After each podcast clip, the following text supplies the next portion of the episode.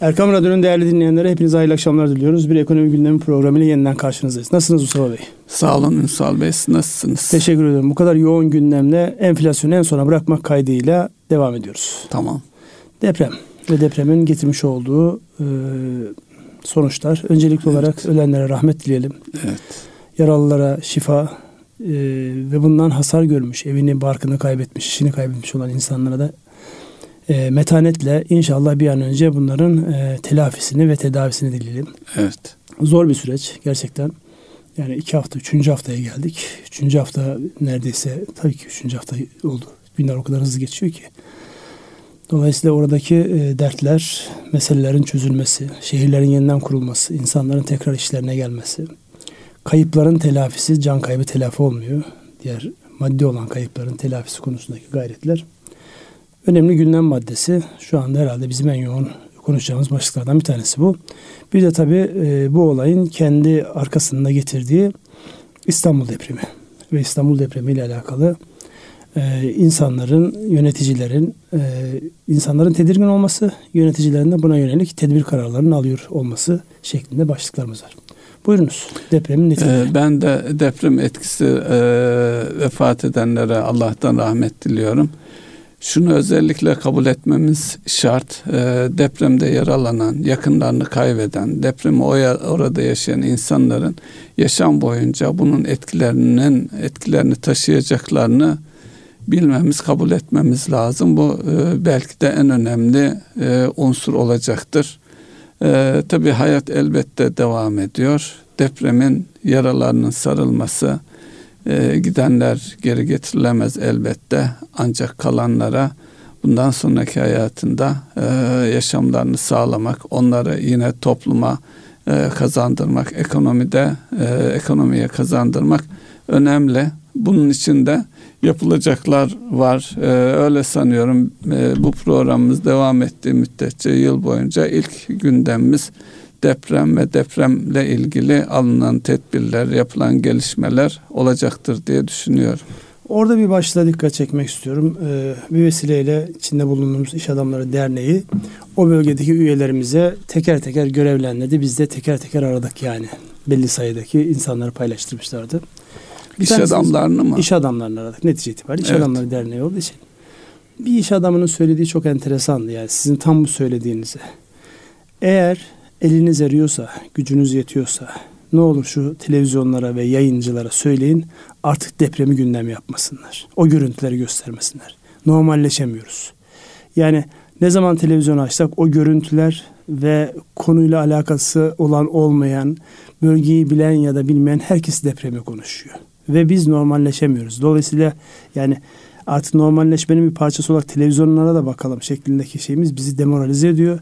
Dolayısıyla bu anlamda yani artık bunu gündem yapmayın.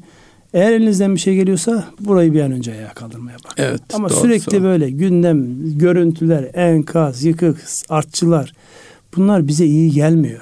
Yani bunu oturduğunuz yerden, bulunduğunuz şehirlerden anlamanız mümkün değil. Onları görmek bizi tekrar tekrar aynı strese, aynı e, gerginliğe, endişeye taşıyor. Kayıplarımız gözümüzün önüne geliyor. Hayata tutunma isteğimizi geri alıyor. Dolayısıyla bunu gündem yapmayın dedi. Ona rağmen biz yine depremi konuşuyoruz. Yani o çok enteresan bir şeydi. Evet. Dolayısıyla bunu bir bu bir radyo programı radyo oldu. Programı görüntülerle farklı. Ben Kesinlikle. de katılıyorum ama oradaki ihtiyaçlarına ilk anda heyecanla insanlar canhıraş bir şekilde yardım ederler.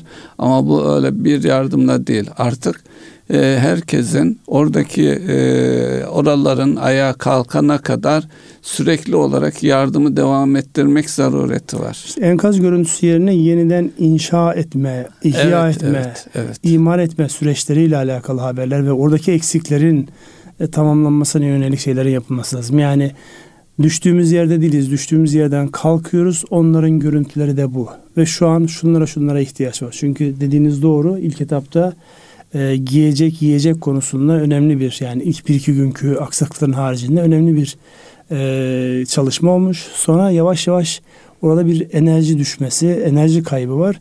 Bu da yeni ihtiyaçların açığa çıkmasına sebep oluyor. Hala belli noktalarda işte yani özellikle köylerde ve e, uç noktalarda çadır ihtiyaçlarıyla alakalı şeylerden bahsettiler. Dolayısıyla böyle bir süreç var. Yani Ee, bir taraftan e, yani hasarın tespiti yapmaya çalışıyorsunuz. Onu nasıl tamir edeceğiz diye uğraşıyorsunuz. Öbür taraftan da en önemli unsur insan unsuru. Çünkü buradaki en büyük sermaye yani iş dünyasında da hep konuştuğumuz entelektüel sermaye diyoruz. Bu da bu vatanın entelektüel sermayesi. Çocuğundan en yaşlısına kadar. Bu bizim e, değerimiz, en önemli değerimiz. Bu değerin kendisini iyi hissetmesi, bir an önce toparlaması. O dediğiniz şey yıllarca gitmeyecek doğru. Ama bir an önce toparlayıp hayata bir meşgaleyle tutunması. Yine bir başka e, iş adamının söylediği bizde de biraz zaman geçsin çünkü çalışanlarımızın yakınlarından ciddi vefat edenler falan vardı. Ama e, sorduk kendilerine. Ne bir an önce açın. Bir an önce açın kendimizi işe verelim yoksa evet. e, sıyıracağız biz. Dolayısıyla bu anlamda da yani insanların meşgul olması, gelecekle alakalı ne yapacağım kaygısından bir an önce kurtulması insanız hepimiz. Hepimizin envai çeşit endişesi var. Ee, Sade Şirazi'nin sözü gibi bir damla kan ve binlerce endişe diye tarif eder ya insanı.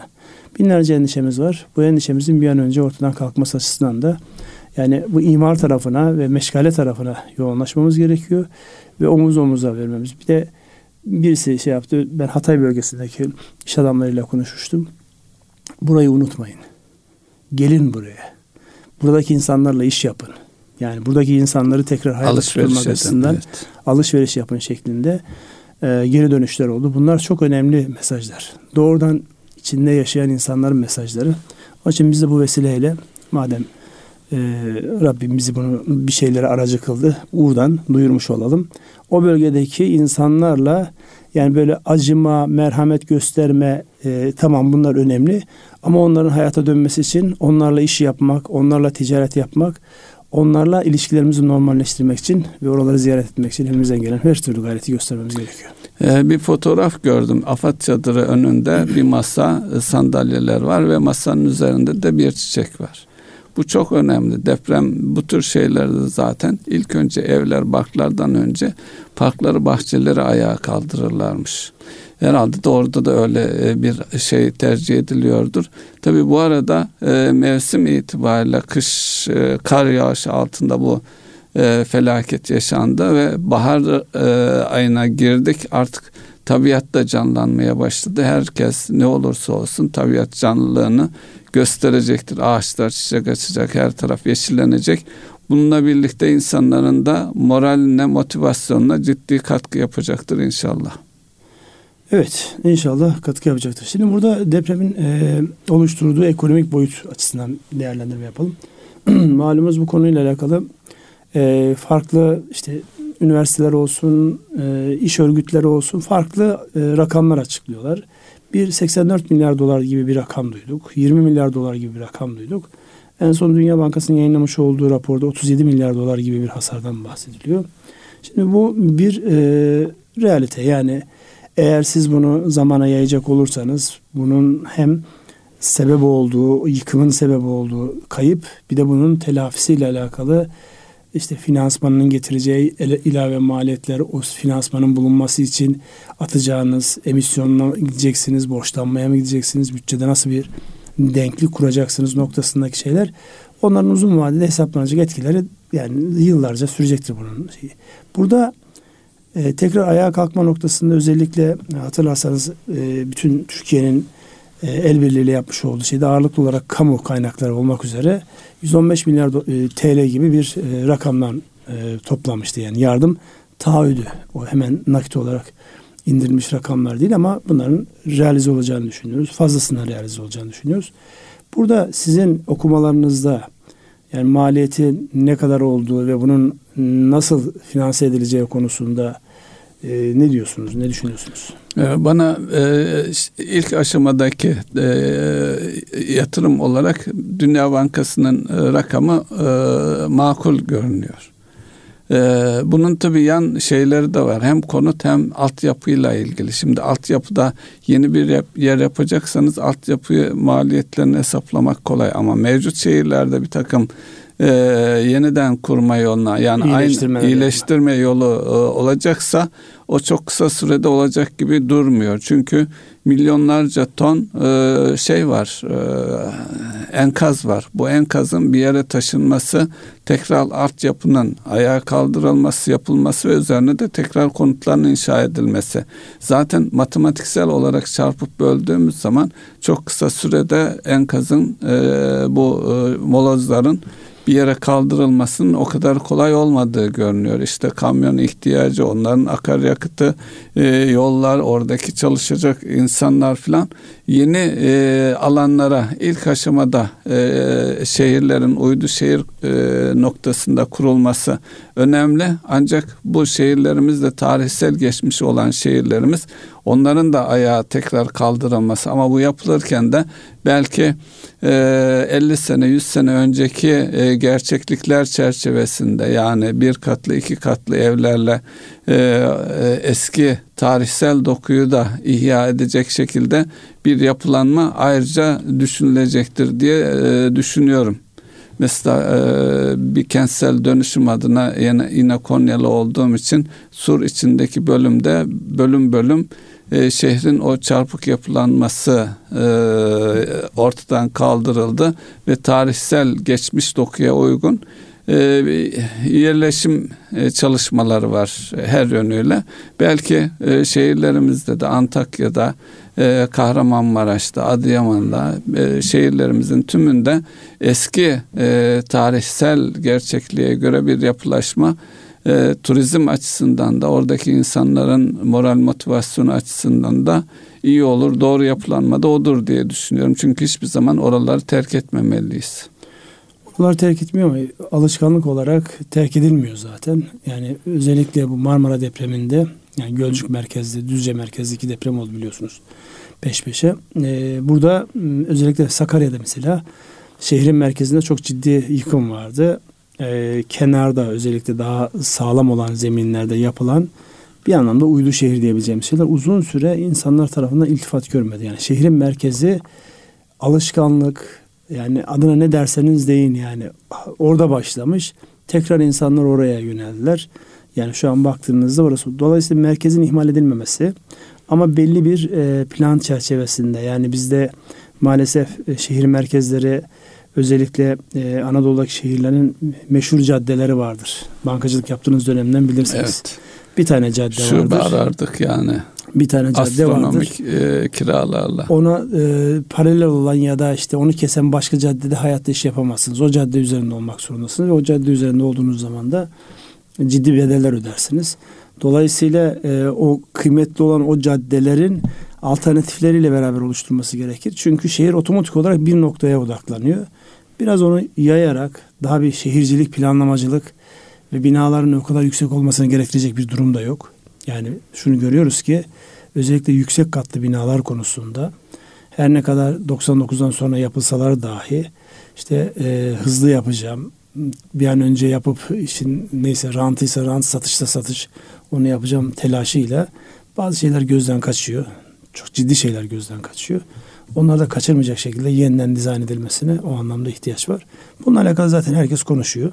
Şimdi tecrübeyle öğrenmek ağır faturası olan bir öğrenmektir. Ama kalıcı bir öğrenmedir. İnşallah bu öğrendiklerimizi unutmayız. Bununla hem oradaki 11 tane şehrin daha sonra biliyorsunuz e, Sivas'tan Gürün de eklendi e, o, o hal kapsamında. E, dolayısıyla oradaki tecrübeyi başta İstanbul olmak üzere diğer risk taşıyan şehirlerde bir an önce e, tedbir alarak gelmek lazım. İsterseniz biraz da İstanbul meselesinden bahsedin. Evet, e, burada e, tabii şehirlerin yeniden kurulması söz konusu olunca e, özellikle İstanbul özelinde e, hatır, e, hatırlarsak e, yani 80'li yıllar 70'li ee, yılları e, da İstanbul'da değildim ama 80'li yıllardan itibaren İstanbul'da e, şöyle bir e, gerçeklik vardı. İstanbul'da merkez dediğiniz zaman alışveriş, ticaret, şu bu. Mesela Anadolu yakasındaysanız ya Üsküdar'a ya Kadıköy'e gelecektiniz. İşte Avrupa yakasında Eminönü, Sur içi oralar önemli yerlerdi. Yani birkaç merkezi olan bir şehir. Yine Anadolu'da bakıldığı zaman tek merkezli şehir konumundan belki çok merkezli şehir konumuna yani artık Ümraniye'de yaşayan bir insan hiçbir başka bir yere gitmeden tüm ihtiyaçlarını karşılayabilir. İşte İçerenköy'ü düşünün. Yani artık İstanbul çok merkezli bir e, metropol konumunda.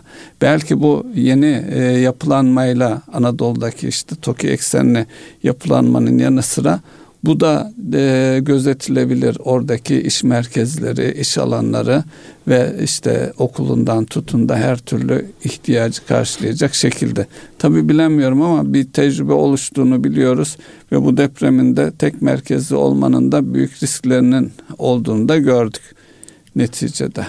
Yani tek merkezde özellikle merkezlerin yıkıldığını ve oradaki müdahalelerden yani ne kadar zorlanıldığı, o caddelerin genişliğinin ne kadar önemli olduğu, binaların birbirine yapışık olmasının ne kadar sıkıntılı olduğu, sizin binanız ne kadar sağlam olursa olsun yan taraftaki binalar dövdüğü zaman yani sizin binanızın çok fazla bir anlam ifade etmediğini bunların hepsini gördük. Bunların hepsi deneyim.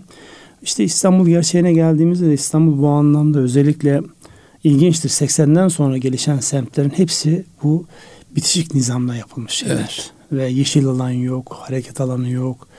E, dolayısıyla 200-250 metrelik arsalar üzerine herkes kendi imkanlarıyla e, bir kata niyetlenmiş. Sonra parası olmuş ikinci katı çıkmış. Bakmışım beş kata kadar çıkmış. Ama temel bir kat evet. şeydi. Çünkü o zamanki teknolojide düşündüğünüzde. Dolayısıyla bunların e, acilen çözülmesi ama burada bir şey daha var. E, özellikle e, Fikirtepe örneğinden de hareketle e, mülk sahipleriyle, toprak sahipleriyle işte bu işi yapacak olan müteahhitler karşı karşıya bıraktığınızda karşılıklı bitmek bilmeyen müzakereler, talepler süreci uzatıyor. Burada e, eminim ki şu an işte daha önceden kat mülkiyeti olan yerler şu an artık arsada bir pay biliyorsunuz. Birçok bina özellikle şehir merkezlerinde bu hale geldi. Bunlarla alakalı da e, çıkabilecek hukuki problemleri çözecek mevzuatın da bir taraftan geliyor olması lazım. Çünkü bazen bakıyorsunuz bir kentsel dönüşüm projesi var. Bir tane bina mahkeme kararlarıyla yıllarca tıkıyor projenin önünü. Kılınızı kıpırdatamıyorsun. Fikirtepe'de yani bunu... öyle bina vardı hatırlayın her tarafı kazılmıştı. Evet. Tek bir tepenin üzerinde, tepenin üzerinde bir e, bina. E, taşlı tarla şeyini hatırlayın. Yani Taksim'in o bulvarın açılmasından yukarıdan aşağı gelirken orada birkaç tane bina böyle yol geliyor böyle bir kavis yapıyor. Niye? Orada bir tanenin binanın yıkılışıyla alakalı evet, mahkeme kararı durdurmuş. Karar. Tarih olduğu iddia ediliyor. Tarih olsa kaç yazar? Yığma işte tuğladan olma şey. Yani bazı Özelliği şeyleri yok. Bazı şeyler tarihi olabilir ama onun yani e, Türkiye'de de örneği var. Dünyanın farklı yerlerinde de örneği var. Yani hatırlayın Mısır'da e, şeyleri taşıdılar. Mezarları taşıdılar. Evet. Baraj yapılacak diye. Yani bu yapılabilir bir şey. Zor bir şey değil. Bizde de işte yapıldı. E, Hasan Keyif'teki e, tarihi evet. yani Tabii gönül ister ki tarihi olduğu gibi kalsın. Ama bazen zaruretten bu tip değişikliklere ihtiyaç var. Onun için burada özellikle hukuki problemlerin çıkması, mahkemelerde uzun yıllara e, varıp da o şehrin tekrar güzelleştirilmesi, imar edilmesi noktasındaki engelleri de kaldıracak.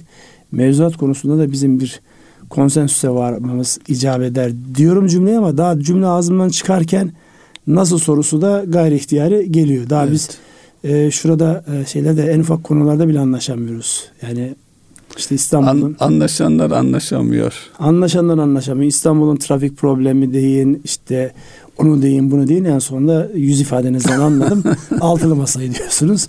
Evet yani o kolay değil. Yani ortak çıkarda birleşenler bile küçük farklarla birden olayın şekli değişebiliyor ve uzayabiliyor. Yani netice itibariyle bu ülkenin hepsinin yani kaderimizi etkileyen kararlar bunlar. Bir şehrin yeniden yapılanması, ayağa kalkması. Onun için inşallah burada da evet. aklı selimle hareket eder bir an önce çözümler buluruz diye. Ee, özellikle İstanbul özelinde e, belli semtlerde seyrekleşme ihtiyacı var. Kadıköy'de işte Sur içinde yani o beş katlı binalar artık olmamalı. Beş katlı binada belki on daire vardır. O belki e, dört daireye yarıya inmesi gerekir. O nasıl yönetilecek? Ancak işte dediğiniz gibi mevzuat yasal değişikliklerle mesela Konya özelinde bu e, hemen e, Alaaddin Tepesi'ne yakın olan e, Kapı Camisi ile o bölümde belediye kamulaştırdı. Nasıl kamulaştırdı? Oradaki şeyleri alarak insanların dairelerini alarak yine şehrin yakınında ki konutlara bedelsiz olarak karşılık ona karşılık konut vererek boşalttı ve işleyen bir sistem. Oradaki e, tecrübe İstanbul'a da yansıtılabilir. Orada bir öğrenme süreci e, öğrenilen şey e, İstanbul'a e, çok rahatlıkla uygulanabilir. Bunun Ama bunun güzel. için de seçim öncelikli seçim olması ve gelecek iktidarında çünkü önünde beş yıllık bir süreç var. Çünkü bu herkesi memnun edecek bir karar olmayacak elbette. Dolayısıyla o radikal kararı alıp ve burada da e, kim seçilir seçilmez o konudan e, ayrı olarak herkesin artık e, ortak akılla evet bu ihtiyacımız demesi. Yani depremin e, sonucu değil, insanların kararı sonucu onun dönüşülmesi, e, dönüştürülmesi şart. Burada zaman zaman konuştuğumuz bir mevzu var. Olay geliyor, yine liderlik mevzuna geliyor. Ya Konya özeline dediğiniz gibi mesela Ankara'da da Altındağ Belediyesi'nin yapmış olduğu bir şey var. Şu an bakan yardımcısı olan bir arkadaşımız Veysel Tiryaki bir dönemde Altındağ Belediye Başkanı'ydı. Ankara'ya gidin, kale ve etrafı bambaşka bir Ankara görürsünüz. Tarihi Ankara'yı görürsünüz. Evet gitmiştik e, birlikte. Çok müstakil, güzel müstakil evet. şeyleri görürsünüz. Konakları görürsünüz. O konaklar bir kısmı yaşanıyor, bir kısmı iş yerine dönüşmüş. Yani burada her şeyi mevzuata, her şeyi devlete, her şeyi yani birileri yapsın biz de bakalım noktasında değil. Burada lokal liderliklerin ne kadar önemli olduğunu da gösterir. Yani evet yani yönetim tarzımızda biz seviyoruz. Biz en tepedekinden bize bir talimat gelse biz ona göre hareket etsek diye ama artık onun dışında da kendi imkanlarımızla yapabilecek şeylerimizin olduğunu çok güzel örnekleri var. Yani siz Konya örneğini verdiniz. Ben de Ankara'da işte Altındağ örneğini verebilirim. İstanbul'da da böyle e, ilçe belediyelerinin yapmış olduğu bu anlamda güzel şeyler var. Ama bir tarafta da işte her geçişimizde böyle hayretler içerisinde bu bina ne zaman yapıldı dediğimiz bir de Esenyurt gerçeği var. Evet. Yani devasa binaların yapıldı ki hatırlarsanız Esenyurt'ta bir projeye danışmanlık yapmıştık. Orada küçük bir fay hattının olduğu ve sıcak suyun çıktığı da hemen yakında olan bir şeydi. Yani bu kadar e, şeyden e, kopuk hareket etmiyor olmak icap eder. Yani bizimki tabii kimseyi tedirgin etmek anlamında değil ama zaten görünen köy kılavuz istemiyor. Buralara da yani yeni yapılan şehirlerin de bu gözle tekrar elden geçirilmesi gerekiyor. Haberleşme ve ulaşımın nedenle önemli olduğunu gördük. Yani bir yerde e, yol kapandıysa e, araçların, e, iş makinelerinin geçemediği bir ortamda ne yaparsanız yapın eliniz kolunuz bağlı. Artık onu da e, yine deprem bölgesinden dönen bir arkadaşımızın ifadesi e, yoğunluktan, şehirleşme yoğunluğundan ötürü çadır kuracak yer yok. İyi ki statlar olmuş diyor yani. Statlar. Evet. Onun dışındaki parklar bile yeterli değil. Hatırlarsanız birlikte e, Kazakistan'a gittiğimizde orada şöyle bir ifade kurulmuştu. Ee, şehirlerin içerisinde parklar değil, parkların içerisinde şehir evet. kurulmuş. Bu çok hoşuma gitmişti. Yani gerçekten de devasa e, bulvarlar, yeşil alanlar içerisinde binalar kaybolmuş durumdaydı.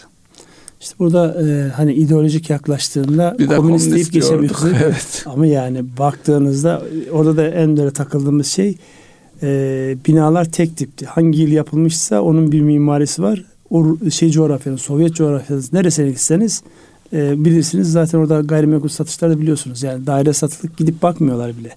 Sadece senesini soruyorlar. Kaç yılında yapıldı? 77, 78. Ona göre zaten biliyor daireyi. Fix Ona göre fiyatı. bir fix fiyatı vardı. Yani e, şu bir gerçek. Özellikle bizim kadim kültürümüzde de var. İyi bir şey varsa, bir ilim varsa, bir çözüm varsa kimin yaptığına bakmaksızın, ideolojisine takılmaksızın gidip o çözümün bize ne kadar uyabileceği noktasında bir karşılaştırma yapmak. Oradan e, belli şeyleri özümseme konusunda ihtiyacımız var. Bu her alanda gösteriyor. Şehircilikte de bu böyle. Bizim e, programın ana konusu olan ekonomide de bu böyle. Şimdi ekonomi yansımaları ile alakalı şu an e, görüyorum ki seçim atmosferine girdikçe herkes ikili diyor. Mevcut iktidar devam ederse diyor cümleye başlıyor. İşte yeni bir iktidar olursa diye cümleye başlıyor. Ama şu bir realite e, özellikle Merkez Bankası'nın yapmış olduğu son politika faiz indiriminden sonra zihinler iyice e, karışmış vaziyette. Çünkü bir taraftan kur korumalı mevduat, onun üst baremi, öbür taraftan serbest mevduatın gitmiş olduğu ticari bankalarda yüzde otuzlar, otuz beşler seviyesinde mevduatın bir maliyeti var. Fakat kredilerin üst sınırı var. Şu anki e, yüksek kar etti diye eleştirilen bankaların önümüzdeki dönemde mevcut sistem devam ederse özellikle maliyet tarafındaki bu artış yüzünden ciddi zararlar yazacakları gibi bir sürü senaryo konuşuluyor. Yani olay sadece e, deprem ve depremin getirdiği ekonomik yansımalar, simülasyonlar değil. Bir anlamda ekonomiyle alakalı da yani uygulanan politikaların ya da uygulanacak olan politikaların simülasyonlarının yapılıp ona göre insanların tercih ediyor olması lazım. Bu konuda siz ne diyorsunuz? Yani iyice yani artık 14 Mayıs ya da Haziran konusunda şey yok. Hiç kimsenin evet, kafasında 14 tereddüt Mayıs yok. netleşmiş durumda. 14 öyle Mayıs görünüyor. bence de netleşmiş durumda. Dolayısıyla işte e, Millet İttifakı da pazartesi günü adayını açıkladığında artık bundan sonra biz adayları ve yapacakları şeyleri de konuşmaya başlayacağız. Bir taraftan da yani toparlanması gereken bir şey var. Ee, burada notlarım arasında şu var. İşte enflasyonu konuşacağız demişim. Ee, özellikle Batı'da yani Avrupa Birliği'nde de Amerika'da da e, Avrupa'da enflasyonun geri gelmesi durdu. Yukarı doğru gitmeye başladı. Avrupa'da da şey Amerika'da da durdu. Avrupa yukarı doğru gidiyor. Amerika durdu. Dolayısıyla bu da tekrar yeni baştan o şahinleri, güvercinleri tekrar konuşmaya sebep oldu. Yani ekonominin e, stabil hale gelmesi, enflasyonun düşmesi için faizlerin artırılması gerekir diyen Amerika ve Avrupa ki arttırdılar da faizleri ama düşmüyor olması tedarik zinciriyle alakalı yeni problemlerin çıkarılması, ekonomi olarak Çin'in tekrar geriye dönmesi hem de iyi bir şekilde dönmesi dolayısıyla talebi tekrar Çin'e çekmesi, Çin'in talebinin enflasyonu patlatır etkisinin olması gibi bir sürü başlıklar var. Buyurun seçin. Evet. Seçin beğenin bir tanesine yorum yapın. ee, özellikle e, Amerika belirleyici çünkü oradaki paranın rezerv para olması fonksiyonu önem arz ediyor. Burada şimdi e, bizim özelimizde e, deprem ciddi bir e, şey. E, dünya ekonomisi özel dünya ekonomisi açısından baktığımız zaman da Ukrayna'daki savaşın nereye doğru evrildiği çok önemli. Ve burada Çin'in de e, duruşu, tavrı önemli. Yani e, stratejik olarak bakıldığı zaman Avrupa'da sıkıntılar var. Ama bunun sıkı, sonuçlarından bir tanesi Ukrayna'daki e, savaşın e, finanse edilmesi, Ukrayna'ya yardımın sürdürülmesi, Avrupa var bitişiğinde. Bunun yanı sıra e, e, Amerika Başkanı Ukrayna'yı ziyaret etti ve arkasında duracağını söyledi. Yani siz savaşmaya devam edin diyor. İyi de e, yani Amerikalılar ölmüyor neticede yani. Evet. Orada bir e, ciddi bir sıkıntı var. Avrupa'yı da eğer buradaki problem çözülmezse Rusya ile nasıl baş ederiz e, korkusu var. Bunlar da ekonomiyi etkileyen unsurlar. Hakeza e, uzak doğuda Çin'in tekrar e, bu pandemi tedbirlerinin tamamını ortadan kaldırıp ekonomiye odaklanıyor olması da e, belirleyici bir unsur olarak duruyor. Yani önümüzdeki dönemde e, hele hele bir yıl e, bu şekilde kontrollü bir şekilde faizlerin yukarıya doğru gideceği ama geriye doğru gelmesinin beklenmedi. Hem Avrupa'da hem e, Amerika'da e, öyle görünüyor. E, özellikle kendi e, ekonomiyle ilgili liderlerin açıklamaları onu ifade ediyor.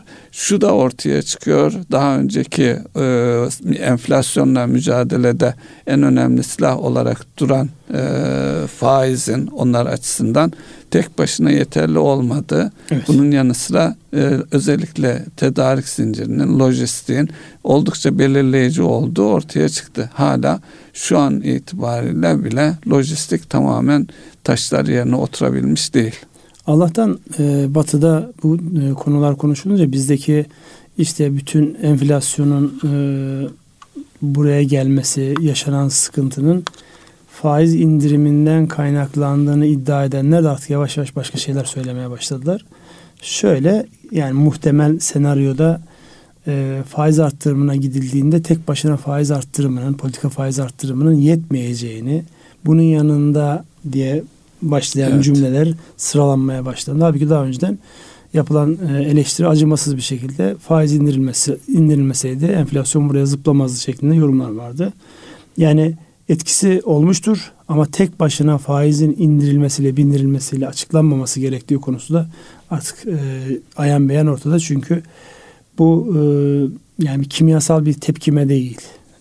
Yani hidrojenle oksijene karıştırdığınız zaman işte miktarlar belli su çıkar kadar net değil yani ekonomi, sosyal hayat insan içerisinde o bilinmezlerle dolu insanın olduğu bir ortamda e, sonucun yani iki şeyi söyleyince sonucun istendiği gibi çıkmayacağı da gün gibi ortada. Bir de şu bir realite var. Özellikle e, finansı yönlendiren e, kapitalist ekonominin, büyük ekonomilerinin temel bir e, çıktısı var. Belirsizlikten beslenme. Hatırlarsanız e, bu ünlü İngiliz bankacı Rothschild'in bir şeyi var. Hiçbir servet e, balo salonlarında e, oluşmamıştır. Bombalanan limanlarda, bombalanan şehirlerden çıkmıştır servetler, mal varlıkları ve zenginlikler diyor. Burada söylenen mesaj şu. Yani kapitalist sistemin temelinde bir belirsizlik, bir kaos, kaosu finanse etme, ka- kaosun getirdiği imkanlardan, fırsatlardan yararlanma ve orada şekil verme. Dolayısıyla az önce söylemiş olduğunuz Ukrayna mevzu da bu kabilden bir şey olsa gerek. Kendilerinden uzak olan bir coğrafyada e, en büyük rakipleri görünen Rus ve Çin'in Çin'in dibinde bir kaosu oluşturarak dolayısıyla buradaki oluşacak olan fırsatları değerlendirme.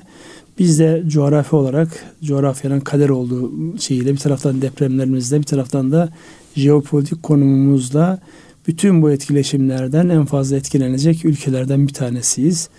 Yönetebilirsek de fırsatın da bize geleceğiyle alakalı da imkanların var İnşallah olduğunu gösteriyor. yönetilebilir fırsatlar var. Tabi bu deprem etkisiyle ihracatımızda azalmalar var.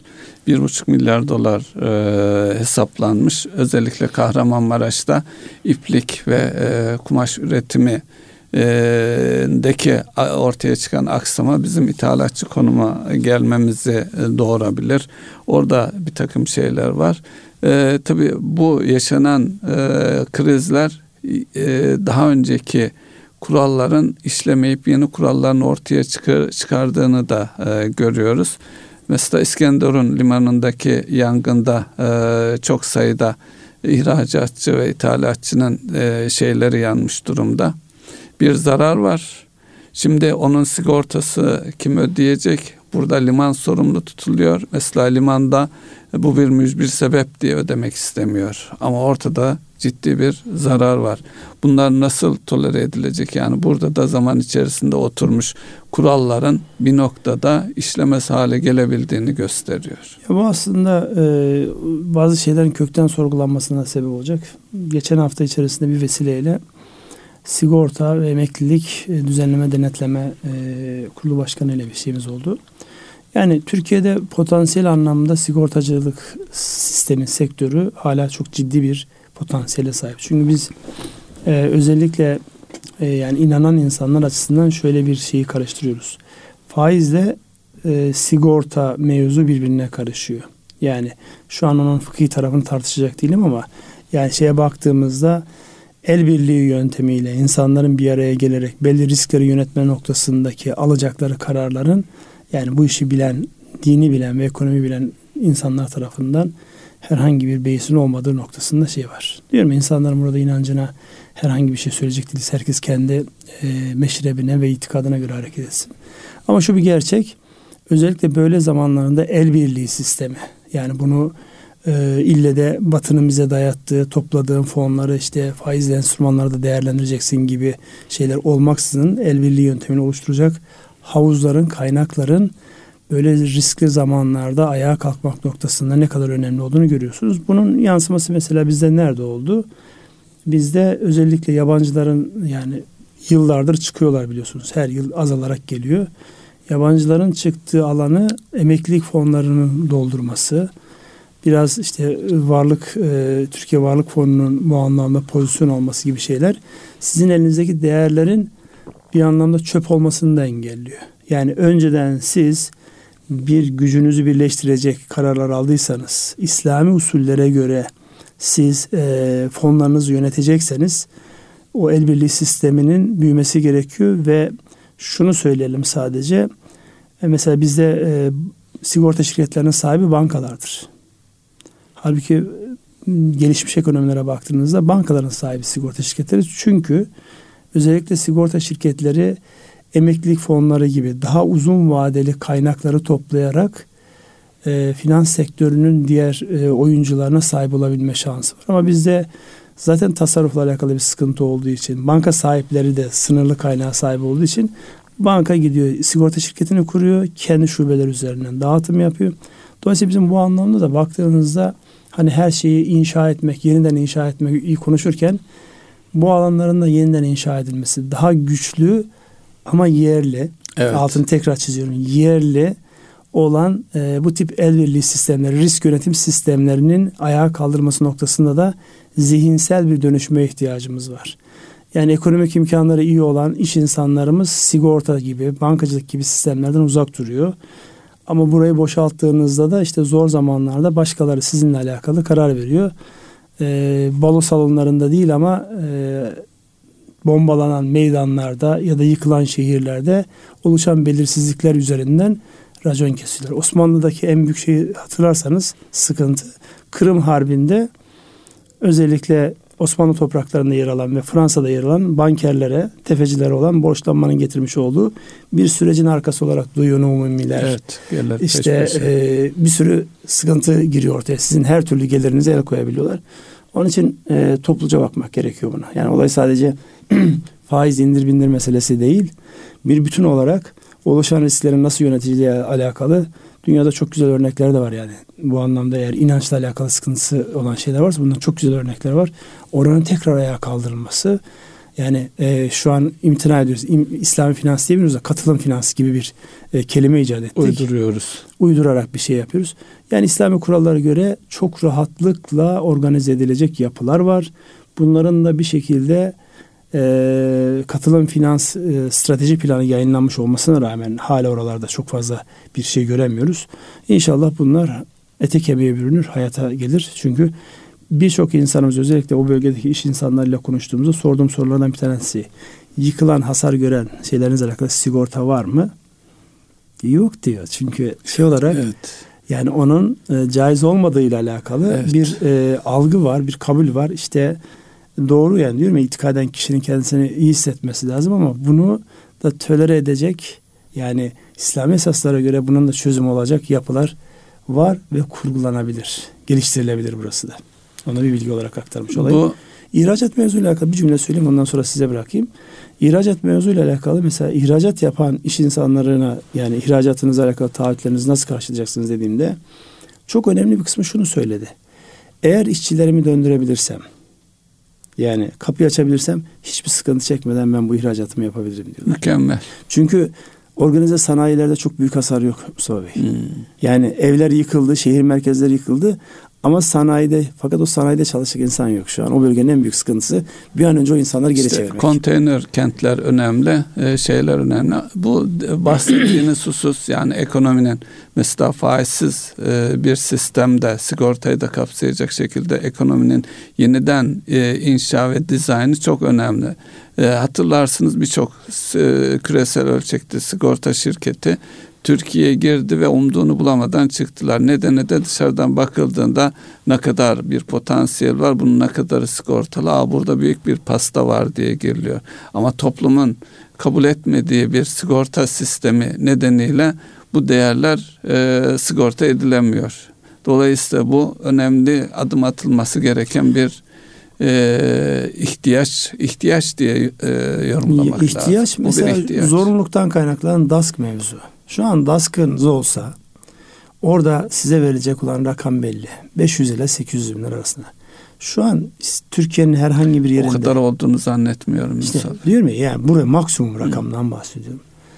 Türkiye'nin herhangi bir yerinde 500 ya da 800 bin liraya bir konut alabilme şansınız kaldı mı? Maalesef. Şu anki enflasyon şeyleri. Yok. Dolayısıyla yani risk e, yönetimi dediğiniz ortaya koymuş olduğunuz şey ki mesela şu an bu sene özellikle kasko üretiminde çok ciddi gerilemeler olabilir. Çünkü enflasyonla biraz da vergilerle araç fiyatları aldı başını gitti. Onu dengeleyecek kasko primleri de yukarı gitti. Ve insanlar diyor ki yani bir sene boyunca başıma bir şey gelmedi. Varsın işte oraya 50, 60, 80 bin lira ödeyeceğime risk alıyorum. İşte bu da bize başka bir, bir problemi getiriyor karşımıza. Geldiğimiz nokta e, size de yansıyordur. Trafik sigortalarında gittiğiniz zaman e, yapmıyoruz demiyorlar da sistemimizde problem var yapamıyoruz diyor mesela. Yapmak istemiyorlar. Yok orada e, trafikle alakalı olayın bir de farklı bir boyutu var. E, özellikle yeni kurulan sigorta şirketleri için trafik sigortası olmazsa olmaz alanlardan bir tanesi. Nakit ürettiği için orada da mesela şu an trafik sigortası yapma yetkisi olmayıp da almak için sırada bekleyen şirketlerin olduğunu da bir vesileyle öğrenmiş olduk. Neyse. Yani olayı e, şeyden, farklı bir boyuta farklı gitti. bir boyuta geldi. Biz toparlayalım isterseniz. Ee, şimdi baktığımızda e, süremizde bir beş dakika kadar vaktimiz var. Az önce siz bir girizgah yapacaktınız. Ben e, sözünüzü kestim. Buyurun. Ee, hangi ihracatla alakalı şeyden bahsederken? İhracat, e, ihracat özellikle e, burada döviz e, e, dış ticaret dengesi ve döviz açığımız, açığını değerlendirmek önemli. Dış ticarette 14.2 milyar dolarlık bir açık e, meydana gelmiş durumda. Belki e, şimdi bizim normal hayatımızı sürdürmek için e, ihracatımız, ithalatı karşılamadığı için sürekli bir döviz ihtiyacımız var. Bunun yanı sıra az önce Dünya Bankası'nın e, rakamını baz aldığımız takdirde 37 milyar dolar bu daha da artabilir veya zaman içerisinde yayılabilir. İlave kaynağa da ihtiyacımız olacak. Dolayısıyla bizim e, bu kay- şeyi finanse edebilmek için e, ihracatımızı her halükarda buradan geriye düşürmememiz lazım. Tam tersine artırmamız lazım ki geçtiğimiz 2022 yılı dış, dış e, özellikle ihracatta rekor kırdığımız bir yıl oldu ama ithalatta da rekor kırdığımız bir yıl oldu. Evet yani açığın ee, dış evet. ticaret açığının 15 milyar dolarlık aylık e, bazda 15 milyar dolara kadar ulaştığını gördük yani. Evet. Bu çok büyük rakamlar bunlar. Yani, Bu arada e, tabii e, dördüncü çeyrek büyüme rakamları açıklandı. Ondan bahsetmediniz. 5 nokta toplam yıl bazında baktığımızda Türkiye'nin ekonomik büyümesi 5.6'ya e, denk düştü. Dolayısıyla geçen seneki 11'in üzerindeki büyümenin yanında baktığımızda 5.6'lık bir büyümeyle bu seneyi Türkiye e, tamamlamış oldu. Son çeyrekteki büyüme oranı 3.5. Bu arada e, kişi başı e, gelirden de bahsetmekte yarar var. Çünkü orada da yaklaşık bin dolarlık bir büyüme oldu. 10.700 dolar seviyelerine geldi kişi başı büyüme. Bununla ilgili tabii döviz baskı altında filan gibi eleştiriler var ama neticede bugünkü gerçeklikte e, böyle bir şey söz konusu. Tabii şu konuşulabilir gelir dağılımının bozulması söz konusu özellikle enflasyon ve ücretli kesim üzerinde. Bu sadece 2022'de birkaç yıldır devam eden bir süreç. Bunun da e, yukarı doğru özellikle çalışanlar lehine geniş kitlelere yayılacak şekilde gelir dağılımını iyileştirilecek politikalara da ihtiyaç olacak. Şimdi bir taraftan o var öbür taraftan da tabii e, farklı bir ölçümleme de var. Yani sizin ürettiğiniz gayri safi yurt içi hasılanın yanında kişi başına düşen e, bir e, harcamayla alakalı, harcama gücüyle alakalı bir hesaplama var. Ona baktığımızda Türkiye'nin bulunduğu yer oldukça üst seviyelerde. Yani 3 trilyon doların üzerinde bir şeyiniz çıkıyor.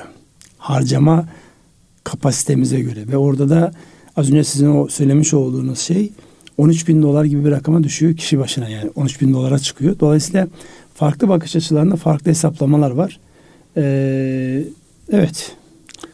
Ee, bu arada enflasyondan bahsedecek olursak e, zamanımız e, var, var. E, sonunda konuşalım. E, tüketici enflasyonumuz e, aylık e, 3.15 seviyesinde e, gerçekleşti. Ee, yıllık bazda da 55 milyon. Yıllık e, başta e, bazda da 55.18. Ee, ana hatlarıyla bunu da ifade etmiş olalım. Ee, şeyde başlıklar itibariyle de e, üretici fiyatlarıyla ilgili de yüzde 76.61'lik bir enflasyon söz konusu yıllık. Burada geçen ayla karşılaştığımızda geçen aylık Buyurun. Geçen ay 57.68 bu ay yani kümülade geldiğimizde 55.18 yani o aşağı inme o sert iniş biraz yavaşlasa da iniş devam ediyor. Devam yani ediyor. Bu evet. anlamda e, ama şeyi göreceğiz tabii ki bu ayki etkiyi göreceğiz. Bu ay yani önümüzdeki ay çünkü Önümüzdeki. Özellikle bu e, depremle beraber bazı tedarik e, alanlarında e, sıkıntılar oldu. Mesela şu an yine bölgede konuştuğumuzda demir çelik fiyatlarında lokal anlamda çok yüksek var. Çimento fiyatlarında içeriye satılan fiyatlarla dışarıya satılan fiyatlar arasında ciddi bir fark var. Dolayısıyla bunların izaha ihtiyacı var. Evet. Yani e, enteresan bir şekilde e, kendi ülkemize karşı daha ne hikmetse acımasız davranıyoruz. Enerji diyorlar, başka şeyler söyler. Aynı enerjiyle, içeriye de aynı enerjiyle, dışarıya da aynı enerjiyle üretiyorsun. Dolayısıyla bu izahlar da e, ikna etmekten biraz uzak izahlar. İnşallah o konuda da taraflar e, bir şeye gelirler. Bir soru sorabilir miyim Ünsal Bey? Gelece deprem etkisiyle ilgili bağlantılı olarak gıda fiyatlarında düşünürsek artık genişlemeci bir para politikası uygulamak zorunluluğu ortaya çıktı. Enflasyonun sanki biraz daha e, uzunca bir süreye yayılacağını varsayabilir miyiz? Yani varsayarız çünkü bir taraftan özellikle Gaziantep gibi, Kahramanmaraş gibi, Urfa gibi e, tarımda önemli rol oynayan şehirlerimiz var. Ee, öbür taraftan da yani bir realite var. Şu an enflasyon öncelikli midir? Yani şuna baktığınızda Maslow'un ihtiyaçları hiyerarşisinden baktığınızda önce yaşamaktır, hayatta kalmaktır. Evet. Karnını doyurmaktır. Sonra konfor kısmıdır. Yani işin daha keyifli yaşama kısmıdır. Önce yaşamaktır. Dolayısıyla bu enflasyonla mücadelenin hafife alınacağı anlamına gelmez. Fakat öncelikler değişebiliyor. Sizin de e, sürekli vurgu yaptığınız bir VUKA çağındayız. Belirsizlikler çağındayız. Dolayısıyla yeni gelen haber, yeni gelen gelişme daha önceki söylemleri bir anlamda ikinci plana düşürür. Şu an bizim yeni haberimiz öncelikli olarak 11 ilin ve çevresinin bir an önce ihya edilmesi, arkasından muhtemel riski taşıyan İstanbul ve benzeri bölgelerin de aynı çerçevede rezerv alanlarıyla, yeni genişleme alanlarıyla şehirlerin yeniden düşünülerek aç gözlükten uzak, rantı kovalamadan öncelikli olarak hayatı kovalayarak e, yeniden inşa edilmesi gerekiyor. Dolayısıyla öncelikler değişiyor. Dediğinize katılıyorum. Biraz uzun cümlede olsa dediğinizle ben de mutabakım. E, süremizin sonuna geldik. Buyurun. Eksik kalan bir taraf oldu mu? Ee, vardır ama süremiz bitti. Erkam Radyo'nun değerli dinleyenleri bir ekonomi gündem programı daha sonuna geldik. E, dilimizin döndüğünce yaşadığımız olayları anlatmaya çalıştık. Hepinize hayırlı akşamlar diliyoruz. Hayırlı akşamlar.